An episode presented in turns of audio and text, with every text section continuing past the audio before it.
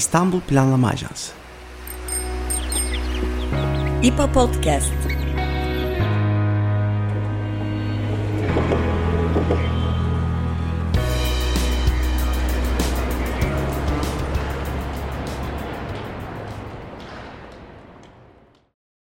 Merhaba, İstanbul Planlama Ajansı tarafından hazırlanan İPA Podcast'a hoş geldiniz. Ben Elif Yıldız Kızılca. Ben Berkan Özyar. Bugün Dünya Yoksullukla Mücadele Günü. Türkiye'de de son yıllarda, son aylarda gittikçe şiddetini artıracak şekilde hem Türkiye genelinde fakat Türkiye genelinin yanında başta İstanbul olmak üzere kentlerde yoksulluğun sertliğini, acısını çok daha hisseder olduk. E, toplumun farklı kesimleriyle çok daha yaygın bir şekilde e, bu gerçekle karşı karşıyayız. Ve başta çocuklar olmak üzere de farklı alanlarda acil müdahaleye ihtiyaç olduğunu her türlü araştırma gösterir nitelikte. Biz de buradan hareketle mevcut durum ve çözüm önerilerini bu konuda herhalde Türkiye'de sahaya en hakim isimlerden Deri Yoksulluk Ağ Kurucusu Hacer Pogo ile konuşacağız. Hacer Hanım hoş geldiniz. Hoş bulduk. Çok teşekkür ederim davetiniz için. Ee, hoş geldiniz Hacer Hanım. Ee, aslında bir genel giriş e, sorusu yönlendireceğim size başta. İşte, Türkiye'de yoksulluğun genel bir çerçevesini çizmek adına mevcut durumu nasıl özetlersiniz? Ee, özellikle son yıllarda pandemiden de sonra nasıl bir dönüşüm yaşanıyor? Yani şöyle aslında bugün e, sizin de bahsettiğiniz gibi yoksullukla mücadele günü. E, sadece Türkiye değil aslında bütün dünya yoksullukla e, mücadele etmeye çalışıyor. Ama mesela işte eminim bugün de böyle Birleşmiş Milletler temsilcisi geçen yıl olduğu gibi yine aynı e, sözleri söyleyecek. Çünkü o hepimizin hepimize rehberlik eden daha doğrusu Birleşmiş Milletler'in sürdürülebilir kalkınma hedeflerinde işte açlığa son, yoksulluğa son diye başlayan e, hedeflerin 2030 yılında ne kadar sona ermeyeceğini e, hem geçen yıl hem de ondaki, ondan önceki yıllarda bundan söz edilmişti ve bugün de aynı şeyler söylenecek. Neden? Çünkü yoksulluk yani pandemi, pandemiden sonra ve şu anda yani e, ki savaş da devam ediyor. Artmaya devam edecek. Ama bu ülkeler özelinde kendi ülkemize geldiğimiz zaman e, özellikle pandemiden sonra yoksulluk iyice derinleşti. Bunun en önemli nedeni de aslında önlem alınmaması. Yani yoksulluğu e, bitireceğiz, azaltacağız e, propagandasının dışında yoksulluğu önleyecek politikaların maalesef hayata geçirilmemesi ve biz de bugüne aslında tam da böyle gidiyoruz. Yoksulluğun derinleştiği, işte gıda enflasyonunun yüzde yetmişlerde olduğu, açlık sınırının şu anda 13 bin lira olduğu, yoksulluk sınırının 43 binlerde olduğu e, bir durumla gidiyoruz. Bu da şu demek, bu da gerçekten hani ben 20 yıldır bu alanda özellikle mahallelerde, sokaklarda e, yoksullukla mücadele eden biriyim ve bö- böylesine derin bir yoksulluğa tanık olmadım. E, çünkü gerçekten açlıkla mücadele ediyor insanlar, e, çocuklar, kadınlar. Yani pazarlarda o sebzeyi alayım mı, bu sebzeyi almayayım mı? İşte kirayı nasıl ödeyeceğiz? Birçok evde sadece temel ihtiyaçlar konuşuluyor. Yani kira konuşuluyor, fatura konuşuluyor, gıda konuşuluyor. Ee, belki birazdan açarız yani bütün bunların o evlerde nasıl bir etkiye neden olduğu, o evlerde nelerin e, değiştiğine ilişkin. Ama e, Türkiye'deki durum maalesef bu inanılmaz korkunç bir işsizlik, okul terki, e, evsizlik, o gizli evsizlik dediğimiz yani işte evinden çıkıp akrabalarına e, taşınanlar, işte gelinine kızına taşınanlar e, ya da huzur evlerine istemediği halde aslında hani bunu kötü olduğu için vurgulamıyorum ama yerleştirilmek zorunda kalanlar böyle bir Türkiye var şu anda. Bu çizdiğiniz Türkiye manzarası içerisinde herhalde e, çocuklara özel bir vurgu yapmak daha yerinde olacaktır. E, siz de hem derin yoksulluk ağı üzerinden hem e, bireysel açıklamalarınızda bu konuya sıklıkla dikkat çekiyorsunuz. Buradan hareketle hem okul öncesi hem de okula giden çocuklara yönelik günümüzdeki öncelikli konular olarak e, neler işaret edebiliriz? Yani burada e, söylediğin şey çok doğru aslında. Aslında bütün kamu kurumlarının çocuk yoksulluğuna dikkat çekmesi ve çocuk yoksulluğuna ilişkin politika üretmesi gerekiyor. Çünkü biz eğer çocuk yoksulluğunu önleyemezsek bu zaten gelecek döneminde habercisi ve bütün araştırmalar şunu der. Yani eğer çocuk yoksulluğunu e, bir çocuk yoksulluk içerisinde yaşıyorsa e, yetişkin olduğunda da onun yoksul olacağının bir e, göstergesidir. Çünkü o durumda çocukluğunda yaşadığı yoksulluğa eğer acil müdahale edilmiyorsa maalesef e, Türkiye'de 9 milyonu aşkın yoksulluk yaşayan, yoksulluk içerisinde yaşayan, temel ihtiyaçlara erişemeyen çocuk var. E, mesela yine Aile Bakanlığı'nın en son verdiği bir rakam vardı. Bu rakam da daha özel bir rakam ve benim de takip ettiğim çocuklar aslında bu çocuklar. En son açıkladığı ailesinin yanında olduğu halde ailesinin bakamadığı e, çocuklara verilen destek çocuk sayısı aynı zamanda 168 binde. Yani o bir yıl içerisinde ki sayılara baktığınız zaman gerçekten ben dehşet içerisinde kalıyorum. Neredeyse her 3 ayda bir yapılan açıklamalarda 10 bin, 20 bin e, bu rakamın arttığını görüyoruz. Bu korkunç bir şey çünkü en riskli durumda olan bu ço- e, çocuklar bunlar. Yani işte okula okulu terk etme riski olan çocuk işçiliği e, olabilen ya da işte ihmal edilen çocuklar ya da ailesi den birinin herhangi birinin ya da ikisinin cezaevinde olduğu çocuklar işte e, aslında bir, bir biçimde sokakta büyüyen çocuklar bu çocuklar. Suça sürüklenme ihtimali de yüksek olan çocuklar ve bu sayı o yüzden benim için aslında çok önemli ve bu sayının artması. E, bu aynı zamanda işte bu çocukların yetişkin olduklarında da e, bu yoksulluğu ailelerinden devralacağını da gösteren çocuklar bu çocuklar ve bu sayı maalesef sürekli artıyor ve bakanlığın açıkladığı işte şu kadar daha fazla destek vereceğiz. İşte destek vereceğimiz çocukların sayısı şu kadar arttı demesi bir övünç değil. E, gerçekten aslında korkunç e, bir durumu durum olduğunu e, gösteriyor. Bu aynı zamanda yine TÜİK'in 2022 çocuk yoksulluğu raporuna baktığınız zaman da çocuklardan e, %62.4'ünün sadece bütün gününü ekmek ve makarnayla geçirmesi karşısında da bir önlem, e, bir tedbir alınmak alınması yerine e, ne yaptılar? İşte geçen yıl aslında her, hepimizin bir şekilde sivil toplum örgütlerinin, bireylerin, annelerin çığlık çığlığa bağırdığı işte okul yemeği olsun, çocuklar okula aç gidiyor dediğimiz e, yine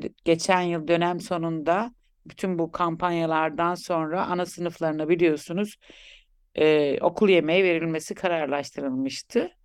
İşte bin küsür ana sınıfına ama bu sene maalesef ana sınıfları da dahil olmak üzere e, bu karardan bir yönetmelikle işte tasarruf tedbirleri adı altında vazgeçtiler. Bu inanılmaz bir şey yani sadece deprem bölgeleri ve taşı, taşımalı sınıflar hariç. Çünkü biz tam tersine aslında bunun ilk öğretimden başlayıp liseye kadar sağlıklı bir okul yemeği verilmesini bekliyorduk. Neden? Çünkü işte biraz önce söylediğim o TÜİK rakamı bile çocukların aslında evde yetersiz beslendiğini, çocukların işte o evde tek tip beslendiğini, bu nedenle bunu ben uydurmuyorum tabii ki. Bilimsel veriler de e, gösteriyor. Yani obezite e, sayısını ya da obez çocukların sayısının arttığını, bodur e, çocukların sayısının hem Doğu, başta Doğu, Güneydoğu, Anadolu olmak üzere bütün Türkiye'de yaygınlaştığını,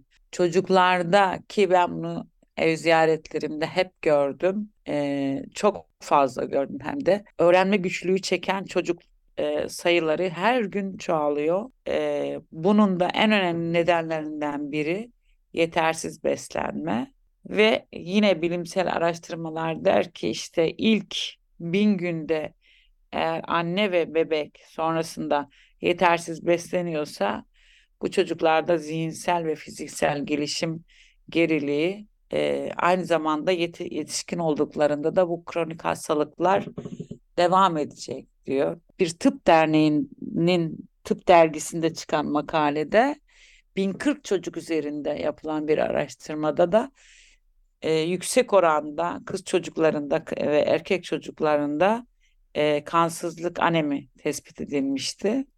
Şimdi bütün bunlar aslında e, bize çocuk yoksulluğunun ve bu çocukların büyüdüklerinde de yoksul olacağının göstergesi e, olarak karşımıza çıkıyor. Son olarak şu rakamı da vereyim aslında. Yine Dünya Gıda Örgütü'nün e, bugün de yoksullukla mücadele günü olduğu için geçen yıl yine 2022'de Türkiye ile ilgili e, raporunda 14.8 e, milyon kişinin yetersiz beslendiğini e, açlık haritasında ve sonradan da kaldırmışlardı ama bunun raporu halen duruyor. E, böyle bir veriyi e, söylemişlerdi ve kullanmışlardı. Ve yani burada yapılması gereken hemen bir an önce aslında e, buna ilişkin yapıcı politikaların e, ortaya konması. Bunun ilk şeyi de ilk adımı, ilk acil adımı e, da okul yemeği aslında. Niye? Çünkü işte okul yemeği bütün o söylediğim sorunları azaltan işte UNICEF'in raporlarında var. Yani kız çocuklarında kansızlığın önlendiğini okul yemeği verilen yerlerde dünyada bir araştırma yapmışlar ve kız çocuklarında kansızlığın önlendiğini söylemişler. Ee, okul kaydının arttığını, okul terkinin azaldığını, okul devamsızlığının e, azaldığını belirtiyor. Sadece e, okul yemeği bile bunu başarıyor e, ve aslında biraz önce söylediğim o işte yoksulluk çoğaldıkça, çocuk yoksulluğu çoğaldıkça artan e, devlet kaynağının da işte bu tür önlemlerle aslında e, geri alındığını da e, belirtmişler raporda. Burada mesela şunu söylemek istiyorum. İstanbul Büyükşehir Belediyesi'nin mesela geçen öğretim yılında da başlattığı okul yemeği, Yine e, başka belediyelerin yaptığı işte Seyhan Belediyesi var bildiğim Mersin'de işte üniversite öğrencilerine verilen e, yemekler var. Yine Eskişehir'de ben hani bu bu yerler yanlış anlamasın anlaşılmasın. Hani benim gittiğim ve tanık olduğum e, belediyeler için gördüğüm belediye. Yine İzmir'de var e, belediyeler olduğu için söylüyorum. Ama bu tabii ki buralarda da zorluklar çektiklerini biliyorum belediyelerin. Ama bu okul yeme işi e, bakanlığın işi. Burada şunu da söylemek istiyorum tekrar tekrar hatırlatmak için. Sağlık Bakanlığı, Milli Eğitim Bakanlığı zaten 2019-2023 stratejik eylem planında Hacettepe Üniversitesi'nin yaptığı araştırmaya da dayanarak işte e, bu bodurluk bodurluğun yüzde altılarda olduğu bir dönemde bir karar aldılar ve 2020'de Doğu Güneydoğu Anadolu'dan başlayarak okul yemeğinin bütün Türkiye'de yaygınlaşacağını o planda belirttiler. Yani ben bunu birkaç kez söyledim, paylaştım da. Ama nedense her ne hikmetse e, birdenbire bu kadar önemli bir şeyi rafa kaldılar, kaldırdılar ve biz bunu bugün yok Dünya Yoksullukla Mücadele Günü'nde gerçekten çocukların onuru, çocukların geleceği e, ve tabii ki hepimizin geleceği demek bu. E, okul yemeğinin bir an önce uygulanmasını istiyorum. Sadece okul yemeği değil, okullarda pandemi sonrasında birçok devlet okulunda e, sebiller kaldırıldı. Çocuklar temiz su iç, içemiyor temiz suya erişimin sağlık açısından ne kadar önemli olduğunu biliyoruz. O tuvaletteki işte çeşmelerden içmek zorunda kalıyorlar çocuklar. Satın da alamadıkları için e, bir an önce temiz suya da erişmeleri gerektiğini düşünüyorum. Çünkü gerçekten yani sağlıksız bir nesil geliyor. Bunu biz 10 yıl sonra e, göreceğiz ve bu çok büyük bir kaynak işsizlik, suça sürüklenen çocuk anlamına da geliyor aslında. Tam bu bıraktığınız yerden bağlayacaktım ben de Hacer Hanım. Yani özellikle bu hem e, ücretsiz bir öğün yemek konusu hem e, kantinlerde okul yemeği, okul gıdası logosu konusu gerçekten yıllardır her türlü Evet. stratejiden Cumhurbaşkanlığı planında vaat edilen ve her sene e, neredeyse uygulamaya girmesini günler kala e, bir sonraki yıla ertelen iki tane Bir, temel konu. bir cümle ona bir şey söyleyebilir miyim? Bu okul gıdası logosuna ilişkin. Yani gerçekten bu da inanılmaz bir şey. 2026 yılına erteliyor ve bu şu demek. yani neden böyle bir şeye ihtiyaç duydular? Çünkü çocukların sağlıklı bir gıda alabilme şansı yok denecek kadar az. Biliyorum ben Yani çocuklarla sohbet ettiğimde, evlerde sohbet ettiğimde ailenin hani çocuğa işte gerçekten 5 lirayla 10 lirayla bazen hiçbir şey vermeden gönderiyor ve o çocuklar o kantinlerde ne bulursa en ucuz neyse onu satın almak ve o bütün o gününü öyle geçirerek yani bu bazen su oluyor yani suyu ile geçiriyor ya da bazen oradan aldığı bir herhangi bir kek. Şimdi bu okul gıda logosu kaldırılması ne demek? Buraya daha fazla ucuz gıdanın ama ucuz derken sağlıksız gıdanın girmesi anlamına geliyor. E zaten yoksulluk içerisinde yaşayan bu çocukların o yedikleri herhangi bir şeyin de e, daha da sağlıksız o katkı maddeleriyle yani işte onları yiyerek daha sağlıksız olmalarına neden oluyor. E, diyorum ki gibi geçen gün bir haber vardı. Konya'daydı galiba. E, tam hatırlamıyorum ama çocuklar mesela yine okul kantinden aldıkları yiyecekle zehirlendiler. Bu bütün kantinlerin böyle olduğu anlamına gelmiyor ama bir standartı olmalı. Yani niye kaldırıyorsun mesela okul gıda e, şeyini logosunu? Teşekkür ederim. Bunu hatırlatmak istedim.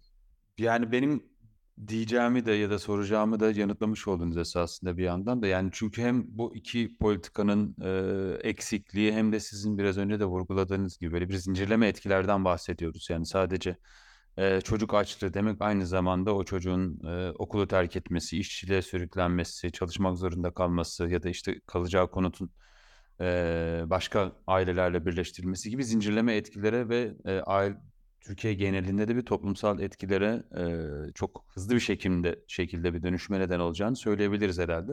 Buradan bağlayarak yani biraz daha genel bir soru soracağım.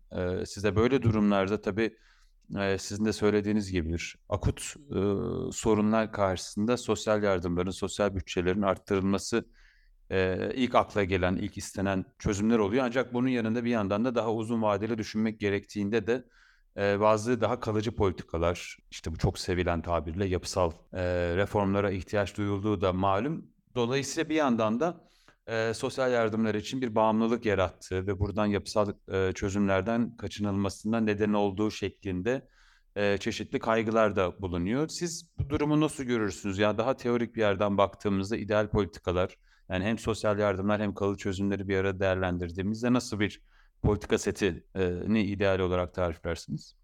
Öyle yani şu anda yani bugünden baktığımız zaman o sosyal yardımların kaldırılması değil aslında o sosyal verilen o sosyal yardımların o cüzri rakamların bazen insanlar da bilmediği için e, işte o sosyal yardımlarla hayatın döndüğünü düşünüyorlar ama bugün o eğitim yardımları işte 60-70 lira işte en fazla 200-300 lira düşünün hani bir yani bugünden baktığınız zaman bu e, o çocuğu işte okula gönderecek, okulda devam ettirecek bir destek değil. Bu desteklerin işte çoğalması bununla işte bir bu böyle bir politikanın oluşturulması anlamında demiyorum ama şunu söylüyorum. Çünkü bu gerçeği de insanlar bilsinler.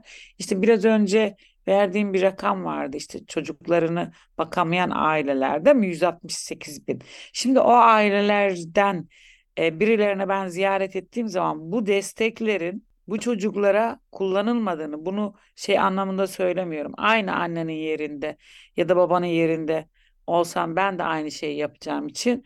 Çünkü o kadar zor koşullarda yaşıyorlar ki işte kirasını ödeyemiyor, eve yiyecek giremiyor, faturasını ödeyemiyor ve oraya giren o 200 lira 300 lirayla oradaki işte işte ne bileyim elektrik, su ya da herhangi bir faturayı tamamlayıcı bir duruma e, şey yapıyor, giriyor ki o hayat bir şekilde devam etsin diye. E, ya da işte günlük işlerle çalışıyorlar. Kayıt dışı işlerde çalışmak zorunda kalıyorlar. Sorduğunuz soruya geleceğim. İşte tam da bu noktada o insanları e, istihdama, üretime ama bu e, şu demek değildir. Orada o aile çalışmıyor demek değildir. O ailede tam tersine belki evdeki herkes çalışıyor. İşte bazen işte çocuk da babasına yardım ediyor.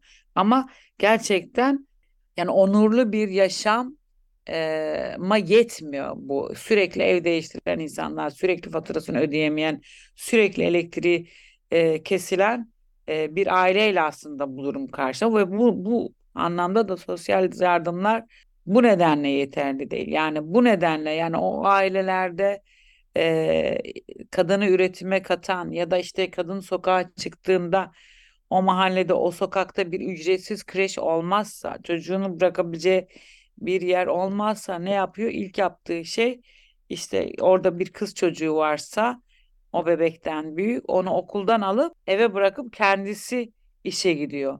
Şimdi bu nereye geleceğim aslında sosyal yardımda?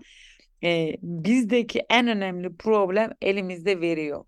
Yani veriye dayalı bir sosyal e, politika oluşturulmuyor. O dediğiniz gibi o yapısal politika. Niye?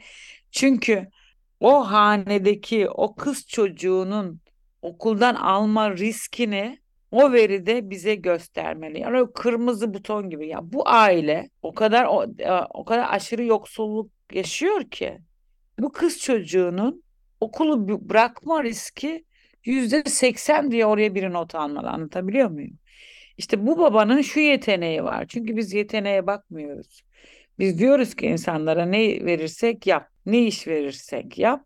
O da gerçekten öyle yaptığı için bir noktada işte adamın bel fıtığı var. Belki siz diyorsunuz ki işte git bilmem ne marketin deposunda çalış. Orada çalışıyor ve iki ay sonra artık ayağa kalkamayacak durumda dönüyor eve. Anlatabiliyor muyum? O anlamda bir veriden söz ediyorum.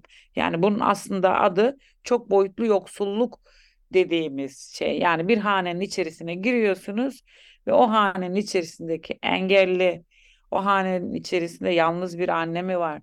O hanenin içerisinde e, suça sürüklenme ihtimali olan bir çocuk mu var? Okulu terk mi etmiş? O hanede 5 yaşından önce ölen bir çocuk mu var? Çünkü hep şey öyle derler. Yani bir çocuk 5 yaşından önce ölüyorsa o evde gerçekten yetersiz beslenmeyle ilgili e, bir durum vardır ya da yoksullukla ilgili bir durum olma ihtimali çok yüksektir. Şimdi buna benzer sorularla ancak biz bu sosyal yardımların alım yani sosyal yardımlara ihtiyaç olmayacak bir politika oluşturabiliriz. O hanenin içerisindeki bireylerin fotoğrafını e, kanıta dayalı o verilerle çekebilirsek diye e, düşünüyorum ama buna ilişkin yok. Bize ne oluyor? İşte belediyesinden kamu kurumuna, bakanlığa kadar gidiyor ailenin gelirine ne, şu kadar, bu gelirine bu kadar tık tık tık hesaplıyor. Bunun altında verelim iki koli, verelim bir kart, iki tane eşya verelim, dönelim. Yani burada yanlış anlaşılma olmasın da hiçbir şey yapılmıyor demiyorum. Ama şu, yoksulluk çoğalıyor. Yani bu açık, bunu rakamlarda görüyoruz. Yani biz her yıl bakanlığın e, daha ne kadar fazla sosyal destek verdiğini e, daha e, işte çocuklar 140 binmiş 168 bin olmuş en aşırı yoksulluk yaşayan. TÜİK'e bakıyoruz işte 7 milyonmuş 9 milyon olmuş bazen azaltmaya falan da çalışıyor. İşte sosyal destekler şu kadar olmuş bilmem ne. Çoğalan bir yoksulluk var. Yani niye? Çünkü biraz önce söylediğim şey yoksulluğu önleme politikaları. Ben hiçbir zaman mesela konuşurken şey söylemiyorum yani işte yoksulluk biter 5 yıla. Şimdi bu politikalar olursa Türkiye'de yok. Böyle bir şey yok. Yoksulluğu bitirmek o kadar kolay değil. Ama önleyebilirsiniz. Yani o kız çocuğunun okula gitmesini sağlayarak o kız çocuğun önümüzdeki yıl o bakanın söylediği rakamların içerisinde yer almamasını sağlayan bir politikayı hayata geçirebilirsiniz.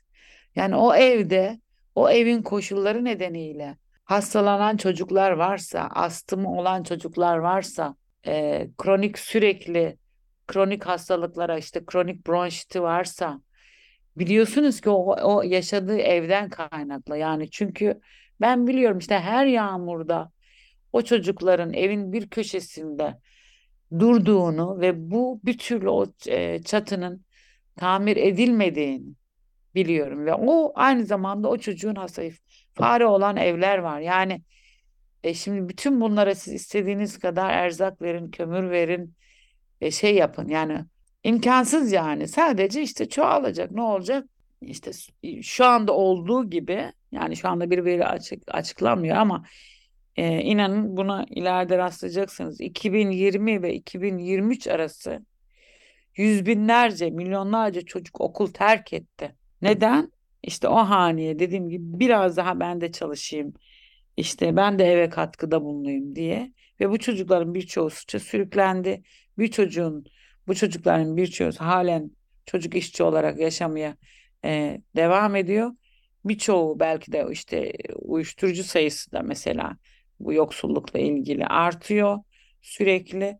Baktığınız zaman demografik yapısı yani liseyi terk eden çocukların aslında çoğunluğu olduğunu biraz daha indiğiniz zaman işte o evlerde e, yoksulluk olduğunu, o evlerde ihmal olduğunu, istismar olduğunu aslında e, görüyorsunuz. Yani elimizde aslında belki benim söylediğim gibi bu çok boyutlu dediğim öyle veriler olmasa bile işte e, emniyetin uyuşturucu raporuna baktığınız zaman, Milli Eğitim Bakanlığı'nın işte okul terkine baktığınız zaman, eğitim reformu girişiminin biraz daha bu eğitim raporlarına baktığınız zaman, sizin yaptığınız İPA'nın İstanbul'daki rakamlarına falan baktığınız zaman aslında ne yapılması gerektiğini e, bize söyle acil bir durum var yani. Acil bir durum var e, ve ortada her şey ve o rakamların her biri bir çocuk, bir insan, bir kadın, bir işçi, bir yaşlı. O zaman işte bütün bu politikaları hayata geçirmemiz gerekiyor. İşte kreş nerede yapılacak? 5 kilometre ötede değil. Tam da o mahallede.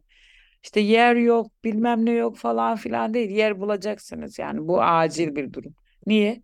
İşte çocukları erken çocukluk eğitimi alan çocukların liseye kadar, üniversiteye kadar gitme oranlarının yüksek olduğu mesela ortaya çıkmış ve bu en önemli şey yoksulluğu önleme politikalarından biri. En önemlisi aslında işte erken çocukluk eğitimi.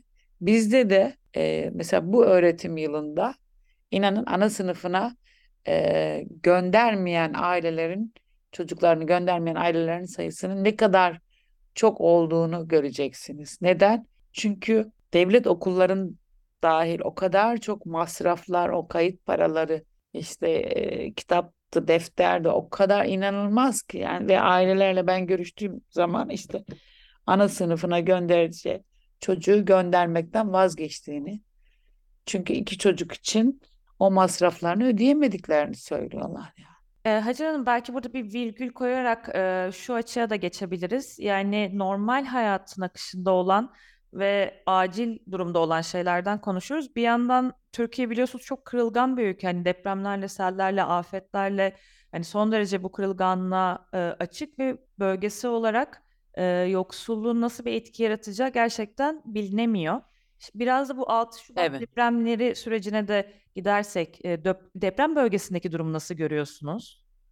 Yani şöyle e, bir kere e, gerçekten orada da çocukları ve çocukların eğitimiyle ilgili e, problemlerin orada çalışan arkadaşlardan özellikle son zamanlarda görüştüğüm zaman yani işte okula gitmeyen çocuk oranının fazla olduğunu, yer değiştirdiği için tekrar geri dönmek isteyen ailelerin olduğunu ama orada kalacak yerlerin olmadığını. Mesela Denizli'ye taşınan bir aileyle, e, babayla çok yakın zamanda e, görüştüm.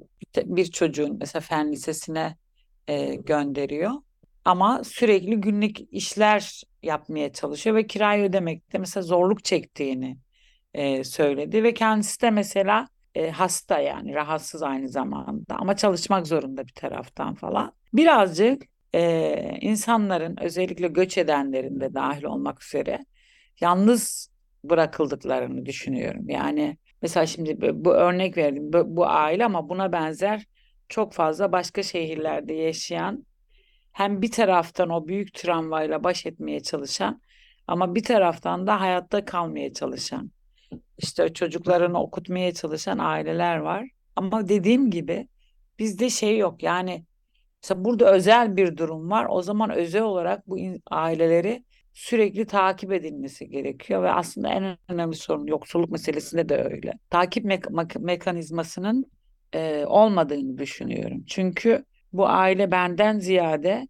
işte kamu kurumlarının, bakanlığın aslında takip et, etmesi aslında gerekiyor değil mi? Yani bir şekilde bu aile beni buluyor ama ama esasında o babanın bir süre sonra çalışamayacak duruma geleceğini de görmesi gerekiyor. O çocuğun okuldan o başarılı çocuğun fen lisesine giden o başarılı çocuğun okuldan alınmaması için ekstra belki de bir burs verilmesi gerekiyor. Şimdi o yüzden bir de e, şey eksik değil. Psiko desteğin hem göç edenlerle ilgili hem de halen işte deprem bölgesinde olan insanlarla ilgili böyle bir çalışmanın çok az olduğunu düşünüyorum. Belli yerlerde var çünkü e, şeyi hala duyuyoruz yani işte in, yani o travmanın ne kadar yüksek olduğunu e, hem şiddet vakalarından hem intihar vakalarından aslında duyuyoruz. Onun yanı sıra o bölgelerde üniversitede okuyan